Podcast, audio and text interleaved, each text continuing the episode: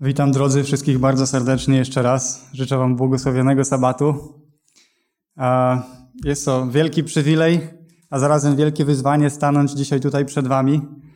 Ale mam nadzieję, że Duch Święty e, będzie przemawiał do nas wszystkich i że słowa, które tutaj dzisiaj padną, będą pokrzepieniem, będą może zachętą, inspiracją. A chciałbym dzisiaj mówić o temacie najważniejszym dla nas, mianowicie o powtórnym przyjściu naszego Pana i Zbawiciela, Jezusa Chrystusa. I wiecie, tak e, patrząc, jak w tym roku kształtowały się warunki pogodowe, trochę mi się to kojarzy właśnie z tym, jak, jak Pan Jezus przychodzi, jak wyczekujemy na Niego, bo tak długo ta jesień, ta zima trwała, tak długo było zimno i tak ciągle sprawdzałem prognozę pogody i tak patrzę, o już za chwilę będzie słońce ale, ale jednak nie było. I tak już prawie, ale jednak nie. I tak oczekujemy na naszego Zbawiciela i, i wiemy, że Jego przyjście jest blisko i czasem nawet próbujemy wyznaczać jakieś daty i tak dalej i, i myślimy, że już, już, ale jednak nie. Westchnijmy krótko do naszego Boga jeszcze. Drogi Panie i Boże, dziękujemy Tobie za to, że jesteś nami. Dziękujemy Tobie za to, że Możemy każdego dnia studiować Słowo, które Ty nam dałeś, że możemy zwracać się do Ciebie ze wszystkimi naszymi radościami, trudnościami. Prowadź nas teraz, Panie, w imieniu Jezusa. Amen. Chciałbym jeszcze raz przeczytać werset, który był już dzisiaj odczytany, list do Galacjan, drugi rozdział, werset 20. Z Chrystusem jestem ukrzyżowany, żyję więc już nie ja, ale żyje we mnie Chrystus a obecne życie moje w ciele jest życiem w wierze w Syna Bożego, który mnie umiłował i wydał samego siebie za mnie. To są słowa, które właściwie chyba wszyscy ludzie wierzący, nie tylko Paweł, powinni wypowiadać, prawda? Z czystym sercem. Każdy z nas, jak tutaj jesteśmy dzisiaj i wszyscy w ogóle, nie tylko adwentyści, wszyscy ludzie, którzy mienią się wierzącymi chrześcijanami, powinni być w stanie z czystym sercem powiedzieć: Żyję już nie ja, ale żyje we mnie Chrystus. I tak w ogóle to żyjemy w troszkę dziwnym, w dziwnych takich realiach, w dziwnym środowisku, bo według Głównego Urzędu Statystycznego, no ponad 90% e, ludności naszego kraju są to ludzie wierzący.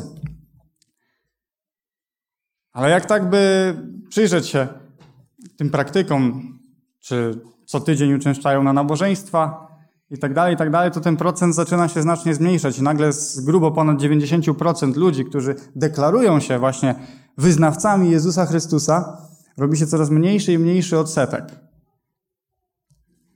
W 2016 roku e, Jezus Chrystus został ogłoszony królem Polski. Jezus Chrystus jest Panem i władcą tego kraju. Więc Wygląda na to, że wszyscy z radością powtarzają za Tomaszem słowa, kiedy mówią o Jezusie Chrystusie, Pan mój i Bóg mój. I mają to rzeczywiście na myśli. Czy tak jest? Prawda? Prawda, że tak jest? A może jak Paweł e, pozwalają właśnie, aby Jezus Chrystus zmieniał to życie cały czas? Nie? Jak to możliwe? Jak to możliwe? Czy przypadkiem często nie jest tak, że czcimy naszego Boga tylko wargami? Jak pisał ewangelista Mateusz w siódmym rozdziale i w wersecie 21. Nie każdy, kto do mnie mówi, Panie, Panie, wejdzie do Królestwa Niebios, lecz tylko ten, kto pełni wolę Ojca mojego, który jest w niebie. Odpowiedź na ten stan rzeczy, drodzy, jest bardzo prosta. Wielu z tych, którzy mienią się naśladowcami Jezusa Chrystusa, tak naprawdę nimi nie są. Każdy człowiek, który poznaje tego prawdziwego Jezusa Chrystusa, tego, o którym czytamy w Ewangelii, choćby cząstkowo i kiedy, kiedy zauważa, kim on tak naprawdę jest, to mówi, ja już nie potrzebuję tego wszystkiego, co, na czym mi wcześniej zależało, jakieś plany życiowe, kariera i tak dalej, układanie tego wszystkiego to zaczyna blednąć i traci sens. I tak było w moim życiu. I moje życie Jezus Chrystus wywrócił do góry nogami, ale w pozytywnym sensie. I tak się dzieje w życiu człowieka. Jeżeli poznaje Boga, To pozwala mu zmieniać swoje życie i dzieją się bardzo, bardzo ciekawe rzeczy. Podstawowe pytanie dla nas, dla mnie, dla ciebie. Czy ja osobiście, czy ja znam tego Jezusa Chrystusa i czy jestem pewien dzisiaj, jak tutaj jestem, czy jestem pewien, że Jezus Chrystus przyjdzie powtórnie? Wiecie, nazywamy siebie adwentystami dnia siódmego. Dnia siódmego, dlatego że czcimy siódmy biblijny dzień odpoczynku, który został od początku ustanowiony i będzie również po stworzeniu nowej ziemi czczony przez lud Boży. A adwentystami, dlatego, że oczekujemy na powtórne przyjście Jezusa Chrystusa, prawda?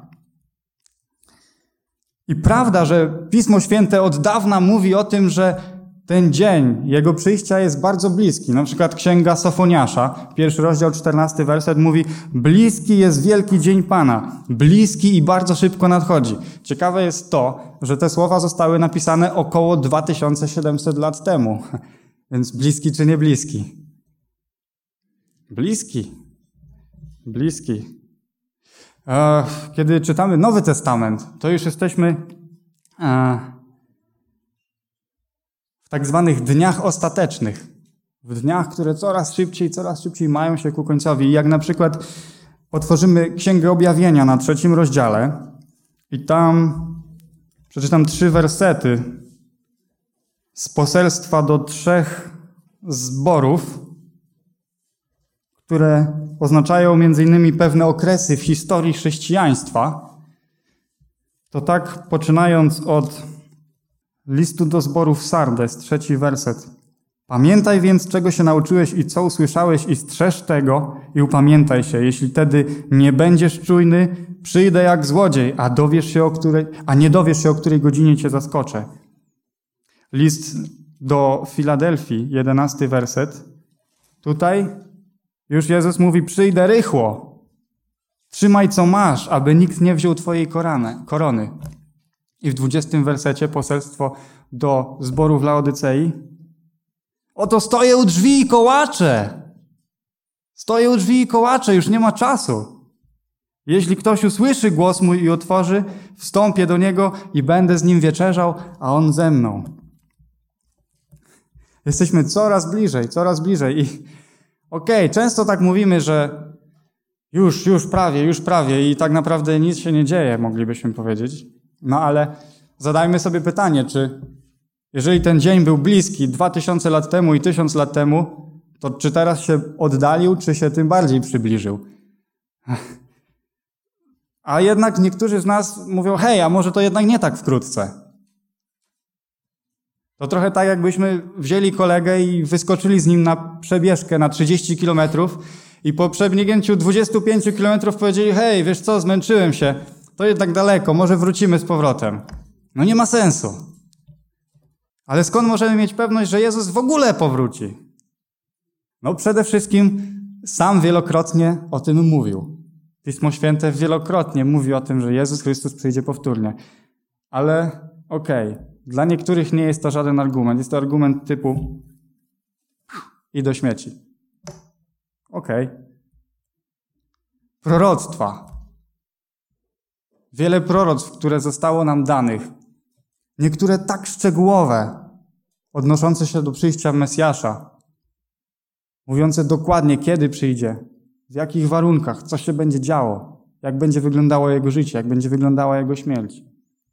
Wszystko się dokładnie wypełniło, więc dlaczego proroctwa, które mówią o tym, że przyjdzie powtórnie, miałyby się nie wypełnić?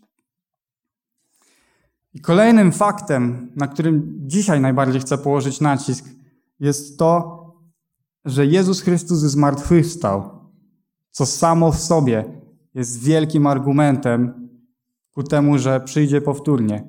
I gdyby nie było zmartwychwstania, to cały, cały Nowy Testament właściwie nie miałby sensu, moglibyśmy go wyrzucić do śmieci. Otwórzmy pierwszy list do Koryntian na 15 rozdziale. Pierwszy list do Koryntian, rozdział 15 i będziemy czytać od 12 wersetu. A jeśli się o Chrystusie opowiada, że został z martwych wzbudzony, jakże mogą mówić niektórzy między wami, że zmartwychwstania nie ma? Bo jeśli nie ma zmartwychwstania, to i Chrystus nie został wzbudzony. A jeśli Chrystus nie został wzbudzony, wtedy i kazanie nasze daremne. Daremna też wiara wasza. Wówczas też bylibyśmy fałszywymi świadkami Bożymi, bo świadczyliśmy o Bogu, że Chrystusa wzbudził, którego nie wzbudził, skoro umarli nie bywają wzbudzeni. Jeśli bowiem umarli nie bywają wzbudzeni, to i Chrystus nie został wzbudzony. A jeśli Chrystus nie został wzbudzony, daremna jest wiara wasza. Jesteście jeszcze w swoich grzechach. Zatem i ci, którzy zasnęli w Chrystusie, poginęli. Jeśli tylko w tym życiu pokładamy nadzieję w Chrystusie, jesteśmy ze wszystkich ludzi najbardziej pożałowania godni. A jednak, a jednak Chrystus został wzbudzony z martwych i jest pierwiastkiem tych, którzy zasnęli. Innymi słowy, Paweł mówi, jeżeli Chrystus nie zmartwychwstał, to weźcie swoje rzeczy i idźcie do domu. Zacznijmy może od śmierci i od tego, czy w ogóle Jezus Chrystus tak naprawdę istniał, bo wielu ludzi przez wieki twierdziło, że to jest jakiś mit, to jest jakaś bajka, że ktoś taki jak Chrystus w ogóle nie istniał i że nie został ukrzyżowany. Dzisiaj już to nie jest problem. Dzisiaj badacze pism zdecydowanej większości przyznają, że Jezus Chrystus był postacią historyczną, że naprawdę istniał, naprawdę zginął, ale że był Mesjaszem.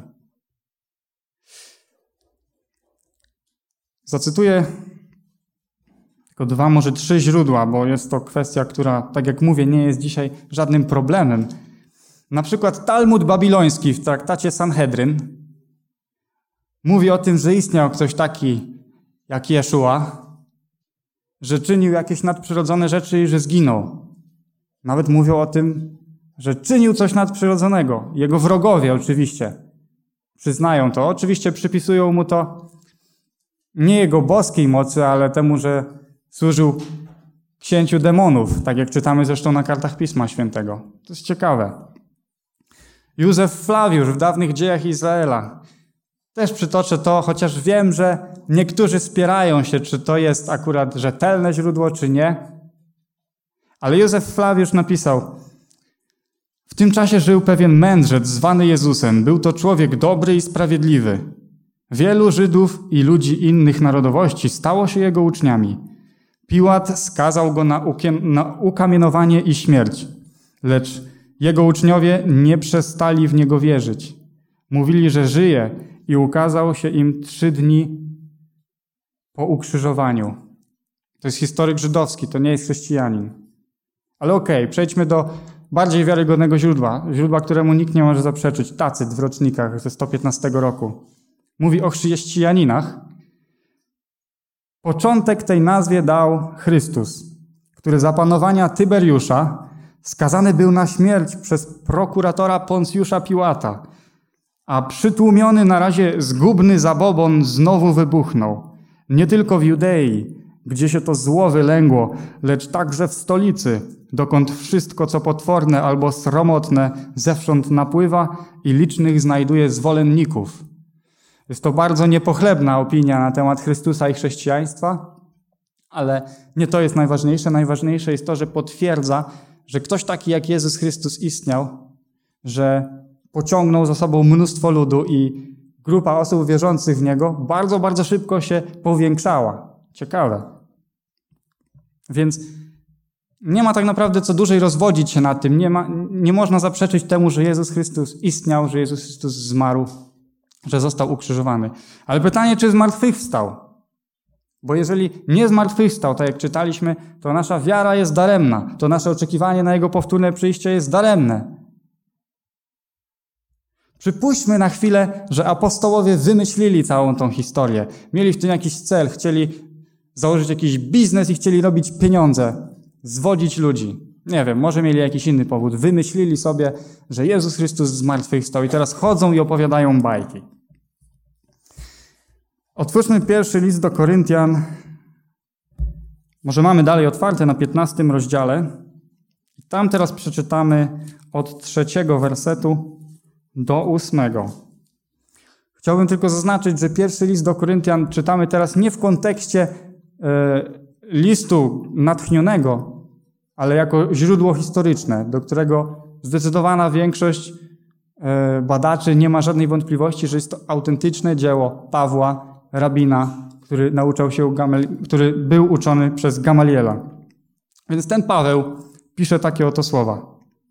E, pierwszy list do Koryntian, trzeci, piętnasty rozdział, od trzeciego wersetu. Najpierw bowiem podałem wam to, co i ja przyjąłem, że Chrystus umarł za grzechy nasze według pism i że został pogrzebany i że dnia trzeciego został z martwych wzbudzony według pism i że ukazał się Kefasowi, potem dwunastu. Potem ukazał się więcej niż pięciuset braciom naraz, z których większość dotychczas żyje, niektórzy zaś zasnęli. Potem ukazał się Jakubowi, następnie wszystkim apostołom, a w końcu po wszystkich ukazał się i mnie jako poronionemu płodowi. Więc wyobraźmy sobie, że taka wielka grupa ludzi e, widzi zmartwychwstałego Jezusa i zaczyna chodzić i opowiadać o tym i powstają teksty, które o tym mówią. I co? I tak wszyscy przyjmują to spokojnie, jeżeli to jest kłamstwo, tak? Nikt się nie buntuje, nikt nie próbuje jakoś tego wyprostować. A jednak jest cisza. Nikt z tym za bardzo nie walczy, nawet wrogowie milczą. Nie można zaprzeczyć temu, że uczniowie rzeczywiście wierzyli, że Jezus Chrystus zmartwychwstał.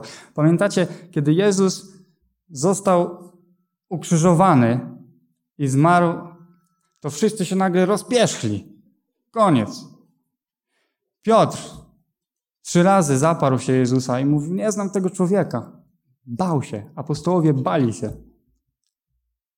Ale nagle jest wielka, wielka zmiana w ich postawie. Nagle zaczynają chodzić przed Sanhedrynem, przed ludźmi, wszędzie i opowiadać o Jezusie Chrystusie zmartwychwstałym. Jak to jest możliwe, że grupa takich tchórzliwych ludzi nagle jest tak odważna? Do tego stopnia, że są w stanie umrzeć za to, co głoszą. Odpowiedzmy sobie szczerze na pytanie, czy ja, gdybym wymyślił jakąś bajkę, jakieś kłamstwo i zacząłbym to opowiadać i miałbym z tego problemy, mógłbym to przypłacić życiem, czy nie wyparłbym się tego? Przecież po co mi to? Skoro i tak wiem, że to kłamstwo, nie będę za to umierał. A jednak oni do samego końca, do samego końca stali przy swoim. To jest mocne świadectwo. Oni nie tylko mówili, że Jezus Chrystus zmartwychwstał, nie tylko chodzili o tym, opowiadali, oni w to wierzyli. Dlaczego w to wierzyli? Bo to widzieli. Ok, powiedzieliśmy o tym, że przeciwnicy milczą na ten temat. No więc niektórzy ludzie wychodzą z propozycją, że skoro nie ma mocnych świadectw na to, że Jezus nie zmartwychwstał,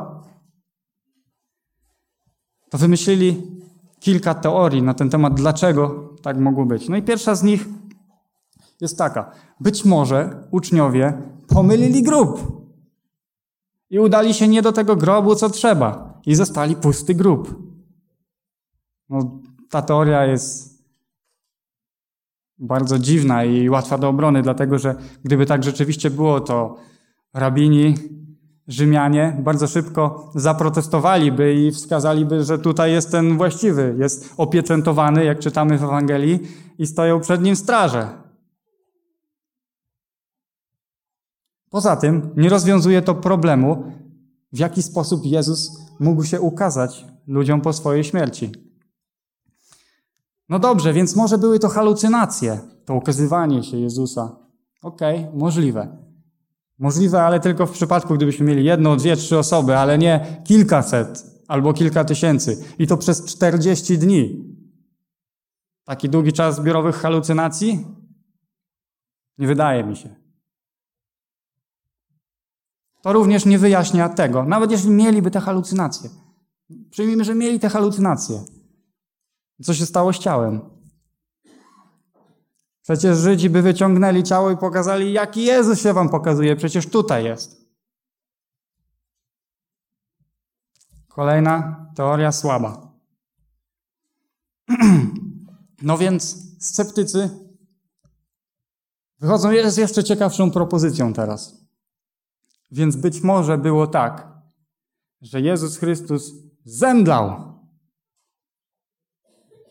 a potem, potem się obudził i wcale nie zmartwychwstał. Nawet chciałbym przytoczyć tutaj słowa rabiego Daniela Asera, który notabene określa Jezusa wcieleniem samego szatana.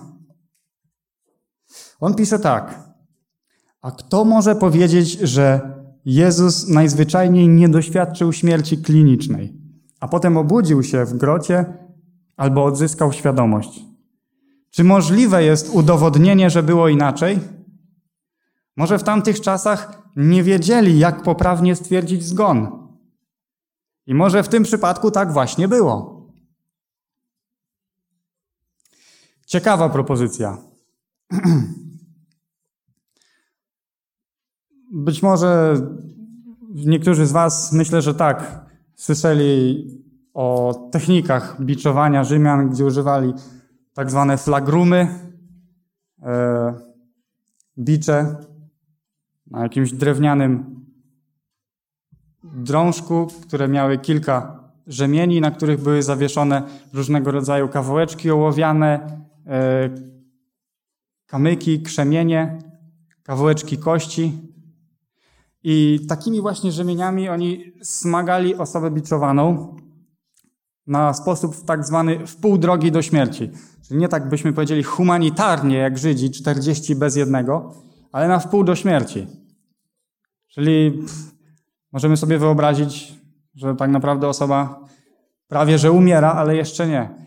Więc kiedy ktoś był biczowany tymi flagrumami, to te kawałeczki tych metali, kości wbijały się w skórę danej osoby, wyszarpywały mu kawałki mięśni, nerwów, nawet odrobiny kości.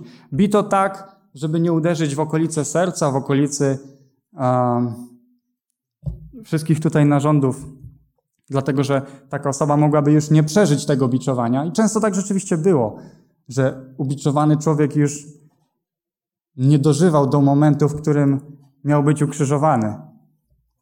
No więc Jezus tak mocno skatowany, potem zostaje zaciągnięty na Golgotę, jego dłonie zostają przybite potężnymi gwoździami, jego nogi zostają przybite i spędza tam jakiś czas.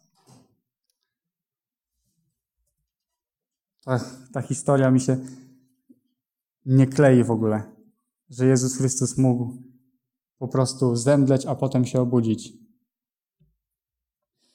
Wiecie, zazwyczaj były dwa sposoby, w jakie skazańcy umierali na krzyżu. Pierwszy sposób byli po prostu wycieńczeni biczowaniem. Ich ciało odmawiało posłuszeństwa, utracili na tyle krwi, że serce już nie dawało rady i umierali.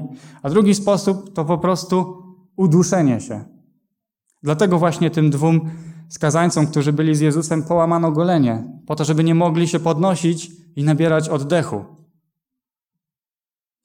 Kiedy podeszli, kiedy strażnicy podeszli do Jezusa, jak sprawozdaje nam ewangelista Jan, i przebili jego bok, to wypłynęła tam krew i woda.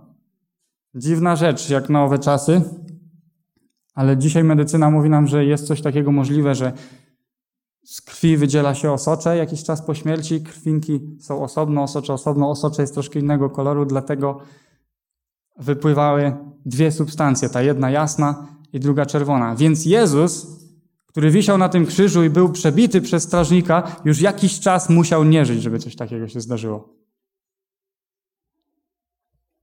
No więc tak zmaltretowany Zbawiciel, potem ściągnięty z krzyża, zaniesiony do grobowca, nagle po trzech dniach budzi się, odwala dwutonowy kamień i ucieka strażnikom. Absurd. Kolejna teoria, która jest czystą fantastyką, czystym wymysłem. No więc moglibyśmy powiedzieć, że okej, okay, Jezus umarł, rzeczywiście nie można przeżyć czegoś takiego. No to być może uczniowie ukradli jego ciało. Całkiem sensowne, prawda? Otwórzmy na chwilę Ewangelię Mateusza na 27 rozdziale. Tam przeczytamy od wersetu 62 do 66, a potem 28 rozdział od 11 do 15. Nazajutrz, czyli w dzień po święcie przygotowania, zebrali się u Piłata przedniejsi arcykapłani i faryzeusze, mówiąc: Panie, przypomnieliśmy sobie, że ten zwodziciel jeszcze za życia powiedział: Po trzech dniach zmartwychwstanę. Rozkaż więc zabezpieczyć grób aż do trzeciego dnia, żeby czasem uczniowie jego nie przyszli, nie ukradli go i nie powiedzieli ludowi: Powstał z martwych i będzie ostatnie oszustwo gorsze niż pierwsze. I rzekł im Piłat: Macie straż, idźcie, zabezpieczcie jak umiecie. Poszli więc i zabezpieczyli grób, pieczętując kamień i zaciągając straż. I 28 rozdział od 11 wersetu. A gdy one szły, oto niektórzy ze straży przyszli do miasta i powiadomili arcykapłanów o wszystkim, co zaszło. To już jest po zmartwychwstaniu oczywiście. Ci zaś zebrali się ze wszystkimi, e, ci zaś zebrali się ze starszymi i po naradzie dali sporo pieniędzy żołnierzom, mówiąc: Powiedzcie, że uczniowie jego w nocy przyszli i ukradli go, gdy spaliśmy. A jeśli by o tym usłyszał namiestnik, my go przekonamy i wam bezpieczeństwo zapewnimy. Wzięli więc pieniądze i postąpili tak, jak ich pouczono. I rozniosła się ta wieść wśród Żydów aż po dzień dzisiejszy. Więc ja zadaję pytanie, jak to jest możliwe, że apostołowie przemknęli obok żołnierzy i wykradli ciało Jezusa. Trzeba było odtoczyć ten dwutonowy kamień, który na pewno narobiłby wiele hałasu. Nawet jeśli by zasnęli, to na pewno by się obudzili. A poza tym karą za niedopilnowanie więźnia była po prostu śmierć. Więc ja wątpię, że tacy strażnicy chcieliby zaryzykować. Nawet czyta, czytamy w dziejach apostolskich w 16 rozdziale o tym, jak anioł pański otwiera Pawłowi drzwi więzienia i kiedy strażnik y, budzi się i widzi, co się stało, chce popełnić samobójstwo. Dlaczego? Dlatego, że wie, że i tak czeka na niego śmierć. Ale Paweł mówił wtedy, nie czyń tego, bo wszyscy tutaj jesteśmy. Więc ci strażnicy byliby na tyle nierozsądni, żeby tak po prostu sobie uciąć drzemkę i pozwolić wykraść ciało Jezusa. Ta teoria nie rozwiązuje też innych poważnych problemów. W jaki sposób apostołowie zmusili ciało Jezusa gdzieś do, do ruszania się, w jaki sposób zwiedli wszystkich ludzi, że Jezus się okazuje tu, że ukazuje się tam, w jaki sposób sprawili, że Jego ciało uniosło się do nieba, albo w jaki sposób sprawili, że Jezus ukazał się Pawłowi w drodze do Damaszku.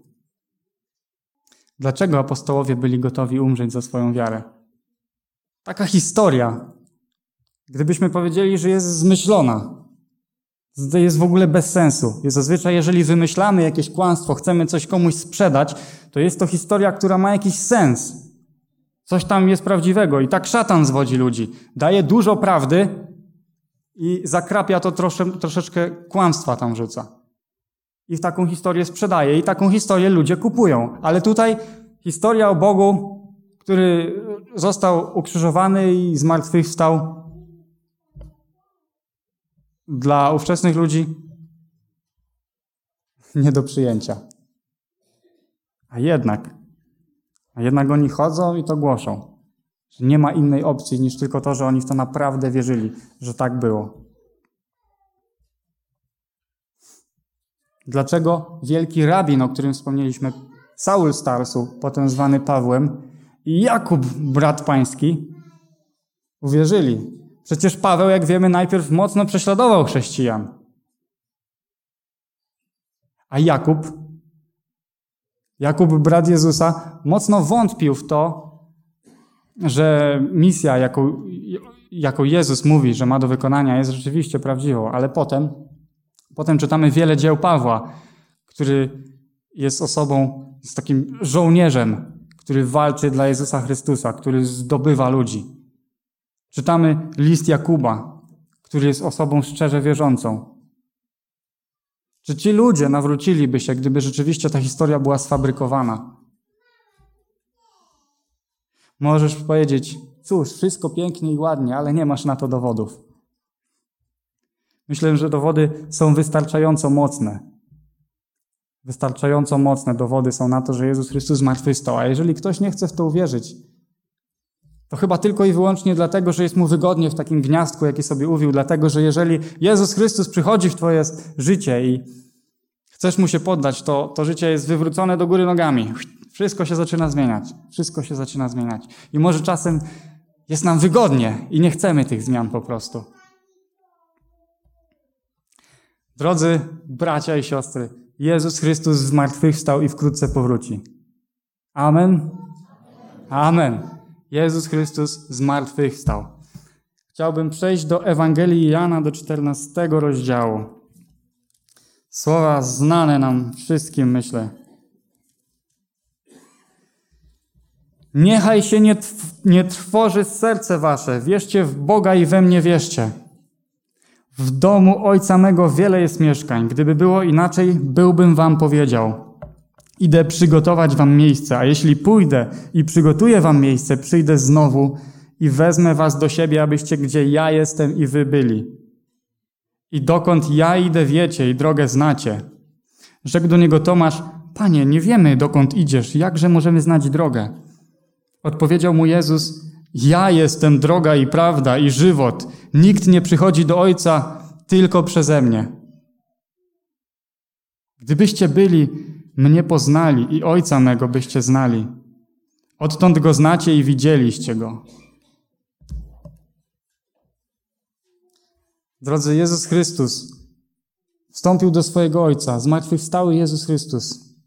Przygotowuje teraz dla nas wszystkich dla wszystkich ludzi, którzy szczerze w Niego wierzą, miejsce w swoim domu, abyśmy byli tam, gdzie On jest. I Jezus Chrystus powiedział o sobie, nie ma innej drogi do Ojca inaczej, jak tylko przeze mnie. Nikt z nas, drodzy, sam nie może się zbawić.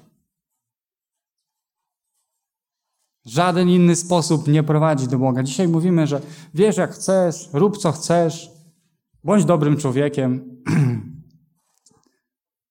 Zmartwychwstały Jezus Chrystus powiedział coś innego. Nie można przyjść do Ojca inaczej, aniżeli tylko przeze mnie. Według proroctwa z księgi Daniela z ósmego rozdziału, 172 lata temu rozpoczął się sąd ostateczny nad tym światem. Rozpoczęła się, przepraszam, ostatnia faza tego sądu. Jezus Chrystus wkrótce przychodzi powtórnie. Nie możemy powiedzieć dokładnie, że przychodzi jutro, albo przychodzi za tydzień, albo za miesiąc i lepiej nawet nie próbujmy, bo nie wiemy kiedy. Ale jednego jest, jestem pewien. Jeżeli Jezus Chrystus zmartwychwstał, to jest to wystarczająco mocny dowód na to, że przychodzi powtórnie, a przyjdzie wkrótce. Pytanie, czy jest to dla nas zła czy dobra nowina? Bo, bo, bo często mam wrażenie, że jeżeli mówimy o powtórnym przyjściu Chrystusa, to tak wszyscy musimy drżeć i bać się. Ale dlaczego? Przecież On przyszedł po to, aby przygotować dla nas miejsce. Powinniśmy się radować, bo Pan nasz i Bóg nasz powtórnie przyjdzie. Czy jesteś młody, czy jesteś troszkę mniej młody, czy jesteś kobietą, czy jesteś mężczyzną, czy jesteś tutaj z nami teraz na tym miejscu, czy oglądasz nas na ekranie swojego komputera, telewizora. Jezus Chrystus wzywa Ciebie, abyś oddał Mu swoje życie. Jeżeli już to zrobiłeś, to wspaniale, chwała Bogu, ale jeżeli nie, to nie ma na co czekać. Nie ma na co czekać. Jezus Chrystus chce być Twoim Zbawicielem i chce zmienić Twoje życie. I powiedział, jeżeli ktoś wyzna mnie przed ludźmi i nie zaprze się mnie, tego ja nie zaprę się przed moim Ojcem. I jeżeli ktoś uwierzy we mnie i da się ochrzcić, ten zbawiony będzie i będzie razem ze mną w raju. Drodzy, życzę Wam wszystkim, aby Pan Bóg Was błogosławił, abyśmy wszyscy, jak tutaj jesteśmy, doczekali Jego przyjścia, najlepiej jeszcze żywo. Niech Bóg Was wszystkich prowadzi. Amen.